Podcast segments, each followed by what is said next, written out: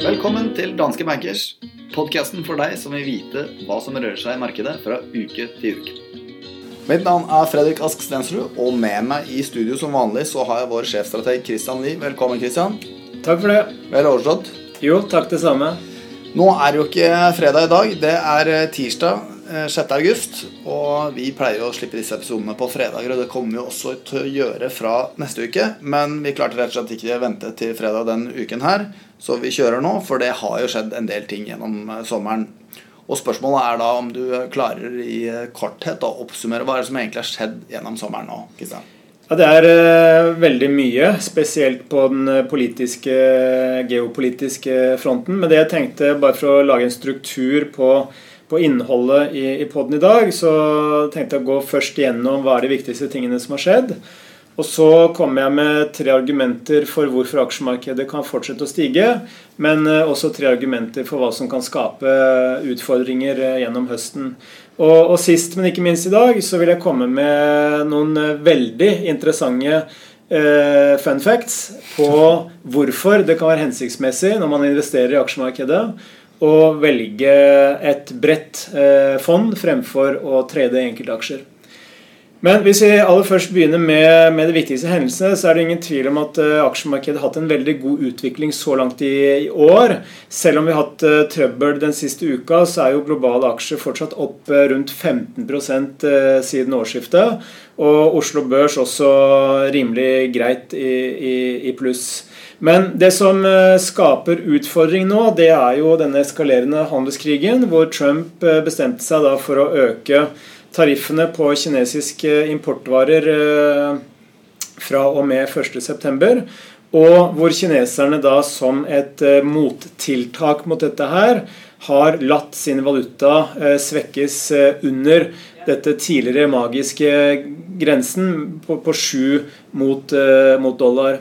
Og Dette er jo da uh, et helt tydelig signal fra kineserne om at uh, velviljen og godviljen i forhold til å komme amerikanerne i møte, det er det slutt på, i hvert fall i, i, en periode fremover. Og vi ser på dette som en eskalering som trolig betyr at handelskrigen vil fortsette å prege både oss og finansmarkedene, og ikke minst verdensøkonomien, eh, gjennom også andre halvår. Og dette bringer meg også inn på, på makrosituasjonen, fordi Eh, når det gjelder eh, industrisektoren, så nærmer vi oss det vi kan kalle en industriell resesjon. Altså Spesielt i Europa så er tallene fortsatt eh, dystre.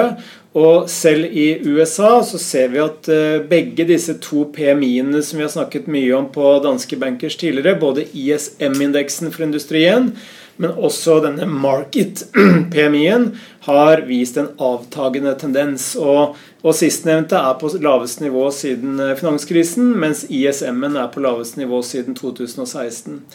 Eh, det som har vært eh, et holdepunkt for, for, verdensøkonomien, det er jo det vi kaller servicesektoren, som normalt da utgjør en langt større andel av økonomien enn industrien. Og her har vi fortsatt eh, ekspansjon, eller kall det gode nivåer, eh, både i Europa og i USA. Eh, men også i USA så har denne eh, aktiviteten eh, vært litt eh, avtagende. På, I øyeblikket på lavest nivå siden 2016. Men enn så lenge så beholder vi troen på at høy stemning blant forbrukerne Eh, sterke arbeidsmarkeder, lav inflasjon. Dette er en suksessoppskrift for kjøpekraftstyrke. Eh, bidrar til at det private forbruket, som jo er en bærebjelke i den økonomiske veksten, skal eh, være en, en, en motvekt mot det som skjer i industrien. Men, men det, dette kan ikke vedvare i det uendelige. Eh, enten så må industriaktiviteten komme opp igjen og gi støtte til eh, økonomien for øvrig, eller så vil servicesektoren etter hvert bli smittet av det som skjer i industrien. Så oppsummert på makrosiden så er juryen fortsatt på gangen, må vi kunne si, men risikoen er fortsatt på, på nedsiden mer enn på oppsiden. Mario Draghi. Mario Draghi. Eh, når det gjelder sentralbanker, så har det også der vært en, en litt eh, aktivitet. Så langt i år så har 18 sentralbanker gjennomført rentekutt eh, globalt. Og dette er jo et lite sånn vendepunkt mot det vi så gjennom 2017 og til dels gjennom 2018, hvor sentralbankene mer snakket om å heve rentene enn å kutte rentene. Og verdens viktigste sentralbank, nemlig den amerikanske, de kuttet jo styringsrenten forrige uke med 0,25% men likevel så falt aksjemarkedet. Eh, kredittspreddene på high yield-oblasjoner steg. Dollaren holdt seg sterk. Eh, og vi så også at eh, denne rentekurven som jeg snakket mye om, som det er et sånn resesjonsvarsel, også ble mer negativ. Som da er også et mer illevarslende signal. Og Det tydet på at markedet hadde forventa mer fra Fed. Eh, og det reflekteres jo da bl.a. i misnøye, kall det det, med det Jerome Powell, altså sentralbanksjefen, sa. Fordi det man hadde håpet på, det var jo at sentralbanksjefen skulle signalisere at her kommer det flere rentekutt fremover. Eh, men det han sa, det var mer sånn balansert. At det ikke nødvendigvis var slik at de kom til å kutte styringsrenten. Alt vil avhenge av hvordan bl.a. handelskrigen eh, og den amerikanske økonomien eh, utviklet seg. Men det som også er en liten sånn teori, eller kall det hypotese, som en del omgir seg med nå, det er jo dette, dette samspillet mellom den amerikanske sentralbanken og den amerikanske presidenten. Altså mellom Fed og, og, Trump. Fordi når Trump argumenterer veldig kraftig i ganske tydelige ordelag for at han mener Fed gjør altfor lite for å stimulere økonomien gjennom at rentene burde vært mye lavere enn det de allerede er, eh, så gir jo det han på en måte en argumentasjon for å kunne øke retorikken, altså bli mer aggressiv i handelskrigen mot Kina, når Fed da først har kuttet renten. Fordi når renten kuttes, så vil jo det støtte økonomien. Da får Trump mer ryggdekning for å være enda mer offensiv i forhold til eh, proteksjonismen. Han kan da øke tariffene, som han da jo bestemte seg for tre dager etter at Fed ikke kuttet renten så mye som Trump skulle ønske. Og disse tariffene, som nå i langt større grad vil påvirke amerikanske forbruksvarer, som igjen vil kunne gi en prisøkning for amerikanske forbrukere, så vil det etter hvert gi en negativ impuls til økonomien, som igjen fører til at Fed kanskje kutter renten enda mer. Så dette er en sånn runddans som eh, ikke nødvendigvis vil være positiv dersom den eh, fortsetter. Vi tror Fed kutter styringsrenten to ganger til i år. Men også at den europeiske sentralbanken etter hvert vil tvinges til å lansere en ganske omfattende stimulansepakke. Og den kan komme allerede i september, altså neste måned. Når det gjelder eh, Trumps strategi, så mener vi i Danske Bank at den er feilslått. Og Grunnen til det, det er at eh, når han presser kineserne såpass hardt med å tvinge frem nye tariffer, samtidig som han dagen etter sier at dialogen med Kina går helt fint, så inngir jo dette ikke akkurat til tillit fra kineserne sin side, som er rimelig frustrerte fra før. Og dette med denne yuan-svekkelsen som de nå har tillatt, det er egentlig et stikk i siden direkte til Trump. Eh, for vi vet at en, en, en, mer, en svakere kinesisk valuta det gir en konkurransefordel for den kinesiske eksportsektoren fremfor den amerikanske. Og det er jo da helt stikk i strid med det Trump opprinnelig begynte med denne handelskrigen med, nemlig å få bort dette handelsunderskuddet som USA har mot eh, Kina. Eh, når det gjelder eh, handelsavtale, så tror vi det nå ligger lenger frem i tid. Og sist, men ikke minst, så vil denne eskaleringen av handelskrigen være egentlig veldig dårlig timing i forhold til verdensøkonomien og situasjonen. Fordi det er klart Når denne handelskrigen eskalerer, det er turbulens i finansmarkedene, så skaper det enda mer usikkerhet hos bedriftene. De velger å avvente nye investeringer, som igjen gir lavere aktivitet i industrisektoren. Og vi ser også tegn til at husholdningene, enten det er i Tyskland, Italia, andre land, de begynner å øke sparingen sin. Og Når man da øker sparingen fremfor å øke forbruket, så er jo det egentlig en negativ impuls til, til økonomien. Og sist, når det gjelder oppsummering av sommeren, så har jo brexit eh, blitt ennå enda en hetere potet enn det noen gang har vært, kanskje. Etter at Boris Johnson eh, inntok 10 Downing Street. Og Litt av årsaken til det er jo at han sier at Storbritannia skal forlate EU 31.10. Enten det er med en avtale, eller det blir en no deal. Og siden han har vært såpass eh, tydelig på dette her, og vi samtidig vet at Boris Johnson ikke ønsker å snakke med EU før EU sier seg villig til å reforhandle denne uttredelsesavtalen som May eh, har etablert, og EU på sin side sier at nei, men det er ikke, det er ikke aktuelt, Boris. Da har vi en, en fastlåst situasjon som i seg selv tilsier at sannsynligheten for at en no deal har økt eh, i løpet av høsten. Hvilke tall har vi på det nå? Eh, vi tror det er eh, 20% sannsynlighet for en no deal. Vi tror det er 30% sannsynlighet for et nyvalg. Og det skyldes bl.a. at regjeringen nå har en majoritet på kun ett parlamentsmedlem i parlamentet. Og vi vet at Boris Johnson går nå ut med massive løfter, nesten som Trump gjorde før, eh, før, før, valget i USA, om at han skal bruke masse penger på politi, man skal øke infrastrukturinvesteringene i Storbritannia, man skal kutte i skattene osv. Og, så og dette er vel det som på, på godt norsk kalles valgflesk.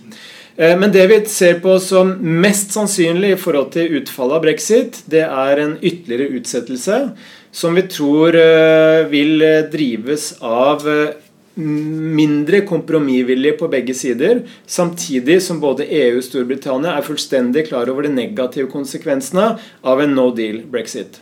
Selv om britene nå begynner bl.a. med informasjonskampanjer jeg tror jeg denne uken her eller neste uke, på hvordan den britiske befolkningen og det britiske næringslivet skal forberede seg på en no deal.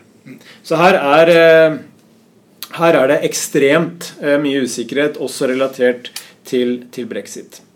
Men hvis vi går over til eh, fase to si, av strukturen i poden vår, så tenkte jeg bare skulle gå kort igjennom tre argumenter for eh, videre aksjeoppgang og tre argumenter mot.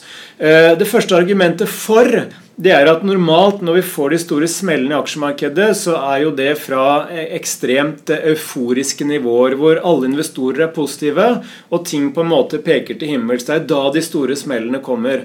Men i øyeblikket så er det veldig mye skepsis eh, blant eh, aksjeinvestorene generelt. Eh, så langt i år så har det blitt netto innløst 152 milliarder dollar fra globale aksjefond. Og ser vi på denne Eh, Global Fund Manager Survey, som Bank of America gjennomfører hver måned, som da spør et stort antall globale forvaltere hvordan de allokerer penger og hva de tror fremover, så har vi nå et eh, ganske betydelig eh, mindre eksponering mot aksjemarkedet enn det disse forvalterne pleier å ha. Og Vi vet også at globale aksjer, selv om vi har hatt 14-15% oppgang så langt i år, så har globale aksjer gitt 0 avkastning de siste tolv månedene. Og det i seg selv reflekterer jo en del av den oppbremsingen som vi har hatt i makro. En del av den oppblussingen av handelskrigen. Så det å si at det er en boble i aksjemarkedet, det er i hvert fall ikke jeg enig i. Det neste argumentet for, det er eh, at eh, vi vet at eh, aksjemarkedet drives av forholdet mellom tilbud og etterspørsel. Og det vi normalt snakker om her i poden, og det mange leser om i avisene, det er jo etterspørselen. Altså hvor, hvor gira er investorene på å kjøpe aksjer.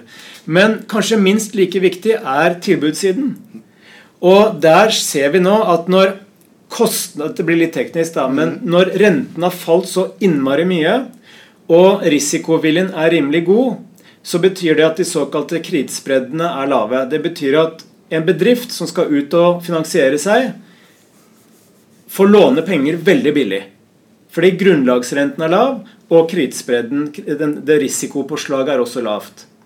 Og med en situasjon da hvor kapitalkostnaden på gjeld er mye lavere enn kapitalkostnaden på, kapitalkostnaden på egenkapital Altså det, Kapitalkostnaden på egenkapital er i utgangspunktet avkastningskravet fra investorene. Yes. Da, hva skjer da? Jo, det fører til at bedriftene de velger å ta opp gjeld for å kjøpe tilbake egne aksjer. Istedenfor å emittere egne aksjer. Yes! Riktig. Og hva skjer da med eh, aksjekursen? Jo, den presses opp fordi at eh, antall aksjer i fritt omløp blir mindre. Og den inntjeningen de da har, altså den inntjeningen i selskapet, skal fordeles på færre aksjer. Hva skjer da? Jo, inntjening per aksje stiger. Og da skal alt annet likt aksjekursen stige. Eh, men det som også skjer når selskapene eh, kjøper tilbake egne aksjer, det er jo at dette gir direkte støtte inn i aksjemarkedet. Og når de er, som du sier, de emitterer eller har færre utstedelser av nye aksjer, så blir jo tilbudet rett og slett mindre. Og statistikk viser da at uh, i 2016, 17, 18 og i 2019 så ligger vi an til netto nullvekst i tilbudet av globale aksjer. Er du med på den? Jeg er helt med. Dette syns jeg er fascinerende. Og, det, fascinerende. og dette er nok en veldig viktig kilde til støtte for aksjemarkedet, til tross for mye turbulens i makro i politikken. Og både i USA, Europa Japan så ligger vi an til rekordnivåer for tilbakekjøp av egne aksjer i 2019. Samtidig som vi har massive innløsninger fra de som er, opererer kapital i markedet. Yes. Det er jo et eh, paradoks. Ja. Så nå har vi vært igjennom høy skepsis. Tilbakekjøpene fortsetter. Og rentene blir stadig lavere. Penger blir billigere. Og at rentene faller, at sentralbankene forventes å kutte styringsrenten mer, det vil kunne fortsette å være en driver for aksjemarkedet så lenge investorene ikke frykter en global resesjon eller en kraftig krise. Eh, så at rentene faller, det er i utgangspunktet også positivt for aksjemarkedet, med mindre resesjonsfrykten begynner å blomstre opp. Det var de tre positive driverne. Det som kan være en utfordring, det er at investorene ikke lenger reagerer så positivt på forsiktighet fra sentralbankene. Eh, og Det så vi bl.a. som nevnt. Når Fed kuttet renten, så falt likevel aksjemarkedet. Og Det man da er redd for, det er det vi på Hamar kaller pengepolitisk eh, impotens. Hvor sentralbankene har kuttet renten. De har gjort veldig mye av det de gjorde etter finanskrisen, men investorene begynner å miste tillit til at det vil virke. Det andre punktet som helt klart vil kunne være en utfordring for aksjemarkedet, det er en eskalering av handelskrigen. Og fra 1.9., når Trump da har innført eh, disse 10 %-tariffene på ytterligere 300 milliarder dollar av kinesisk import, så vil samlet importtariff fra utlandet til USA, ikke bare Kina, men all import, ligger på 5,6% og det er det høyeste nivået siden 1972. Og Det betyr at gjennom Trump sin presidentperiode så har altså importtariffene gått fra 1,5 til 5,6% Og dette vil etter hvert begynne å påvirke den amerikanske økonomien negativt. Det tredje punktet som da heller i negativ retning i forhold til aksjer fremover, det er eh, svakere utvikling i selskapsinntjeningen. Eh, og Vi vet jo at selskapsinntjeningen var en grunnpilar gjennom 2018 bl.a. Selv om aksjemarkedet hadde litt utfordringer da også, så hadde vi en inntjeningsvekst for globale aksjer på rundt 15% men den nærmer seg nå null for 2019. Og Dette er noe investorene kan leve med i en kort periode, men dersom man ser at disse estimatene fortsetter å nedjusteres, som det fortsatt er tegn til, så vil dette kunne begynne å tynge litt på vektskålen når investorene gjør sine vurderinger. Til slutt i dag så lovte jeg å komme med noen eh, fun facts. Og dette er, eh, dette er eh, sånn man bør lytte til. Fordi vi vet jo at mange av dere som investerer i aksjemarkedet, dere vurderer å kjøpe enkeltaksjer og trade eh, ja, på Oslo Børs eller enkeltaksjer rundt på andre børser.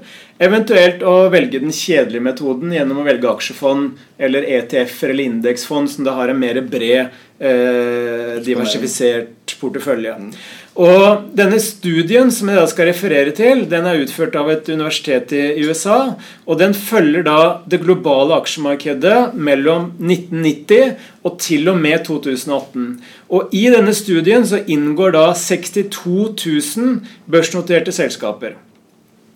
Og Gjennom denne 28-årsperioden så genererte disse 62 000 børsnoterte selskapene en samlet økning i markedsverdien på 44 700 milliarder dollar. Det høres fantastisk ut. Dette børs, aksjemarkedet må, må, jo være fantastisk. Men her kommer funfactene. 0,08% av selskapene Altså fem selskaper, som da står for 0,008% av de 62 000, sto for nesten 10% av denne samlede avkastningen. 306 selskaper, eller 0,5% av dem, sto for 73% Altså 0,5% av selskapene sto for tre fjerdedel av avkastningen. Mm. Og 811 selskaper av de 62 000, som da utgjør 1,33% av selskapene, sto for 100% av samlet nettoavkastning. Og av alle disse 62 000 hvor mange hadde negativ avkastning gjennom 28-årsperioden. Og dette er da eh, presumptivt de som har overlevd 28-årsperioden. Jo, 61% hadde negativ avkastning. Og dette, Poenget med dette her, det er å illustrere at det å velge enkeltaksjer som du skal sitte på i lang tid, det er som å finne nåla i høystakken. Og sitter man derimot i et bredt aksjefond f.eks., hvor du har mellom 30 og 100-150 ulike enkeltselskaper, så er sannsynligheten mye større for at du treffer de som drar lasset avkastningsmessig over tid. Ja. Nå er jeg ferdig. Der kunne du jo egentlig adda noen fakta også om timingen, hvorvidt du er inne og ute på forskjellige tider, det kan vi ta i en annen sending. Men det er i hvert fall en ganske stor forklaringskraft der òg, for de som tror at de klarer å gå ut av markedet, for så å gå inn igjen i bedre tider. Det er i hvert fall historisk sett ikke noen spesielt god strategi. Vi har masse fun fact der også. Det, vi, det, får vi ta senere. Jeg skal bare kort oppsummere de viktigste tingene før sommeren, før jeg skal la deg oppsummere de tre støttende elementene for markedet og tre mindre støttende elementene for markedet. Veldig kort oppsummert så har det vært litt stormfulle markeder gjennom sommeren. Vi ser at eh, Trump ypper med Fed, rett og slett. Vi har en, hatt en tiltagende stemning i handelskonflikten. Og vi kan også si at det er en økt usikkerhet rundt brexit. Det er det viktigste for, for sommeren. Eh, gi meg kort oppsummering på tre støttende faktorer og tre mindre støttende faktorer for markedet nå. Ja, det som er støttende, det er at det er mye skepsis. Mange investorer har trukket pengene ut. Får vi en bedring i et eller annet, enten det er handelskrigen eller verdensøkonomien, så kan disse pengene komme tilbake. Det andre er at selskapene går mot et rekordår i forhold til å kjøpe tilbake egne aksjer. og Det er en viktig støtte for aksjemarkedet, selv om det er mye trøbbel ellers. Og det tredje positive det er at rentene fortsetter å falle. Og med mindre investorene frykter resesjon, så vil dette fortsette å gi støtte. Det som er negativt, og det som kan motvirke, det er at eh, sentralbankene begynner kanskje å miste litt tillit hos investorene. Eh, det vi ser, er at handelskrigen eskalerer. Dette kan eh, på det verste bringe verdensøkonomien inn i en ny resesjon eller en krise dersom det eskalerer mer. Og det tredje er at selskapsinntjeningen er eh, ikke helt det den burde ha vært. Eh, og er svak og ikke lenger en støtte for, for aksjekursene. Tiden vil vise hvilke av disse faktorene som går seirende ut eh, nå.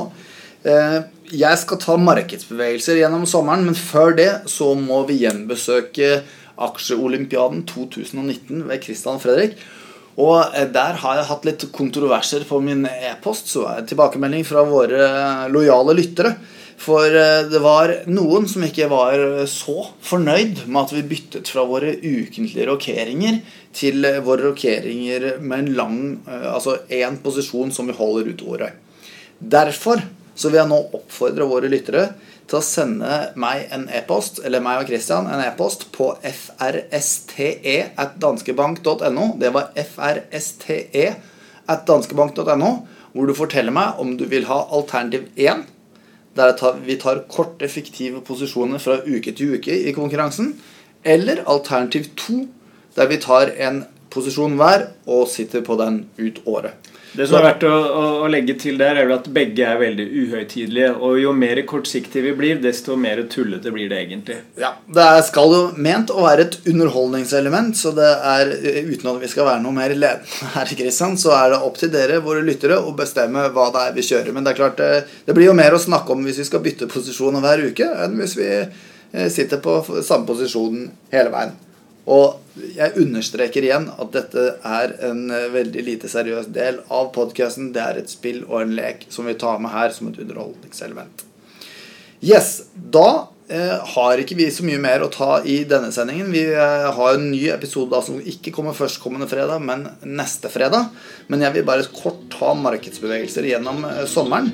Da har vi OECVX ned 5 SMP 500 ned 5% Eurostox 600 ned 5,3% og oljeprisen ned 5 eh, ikke lystig Det er de siste 30 dagene fra helt spesifikt. Ok, Ikke akkurat uh, lystig lesning, så det får vi håpe at vi kan se en forandring på. Men uansett, tiden vil vise det. Det var alt vi hadde i ukens episode av Danske Bankers. Vi høres.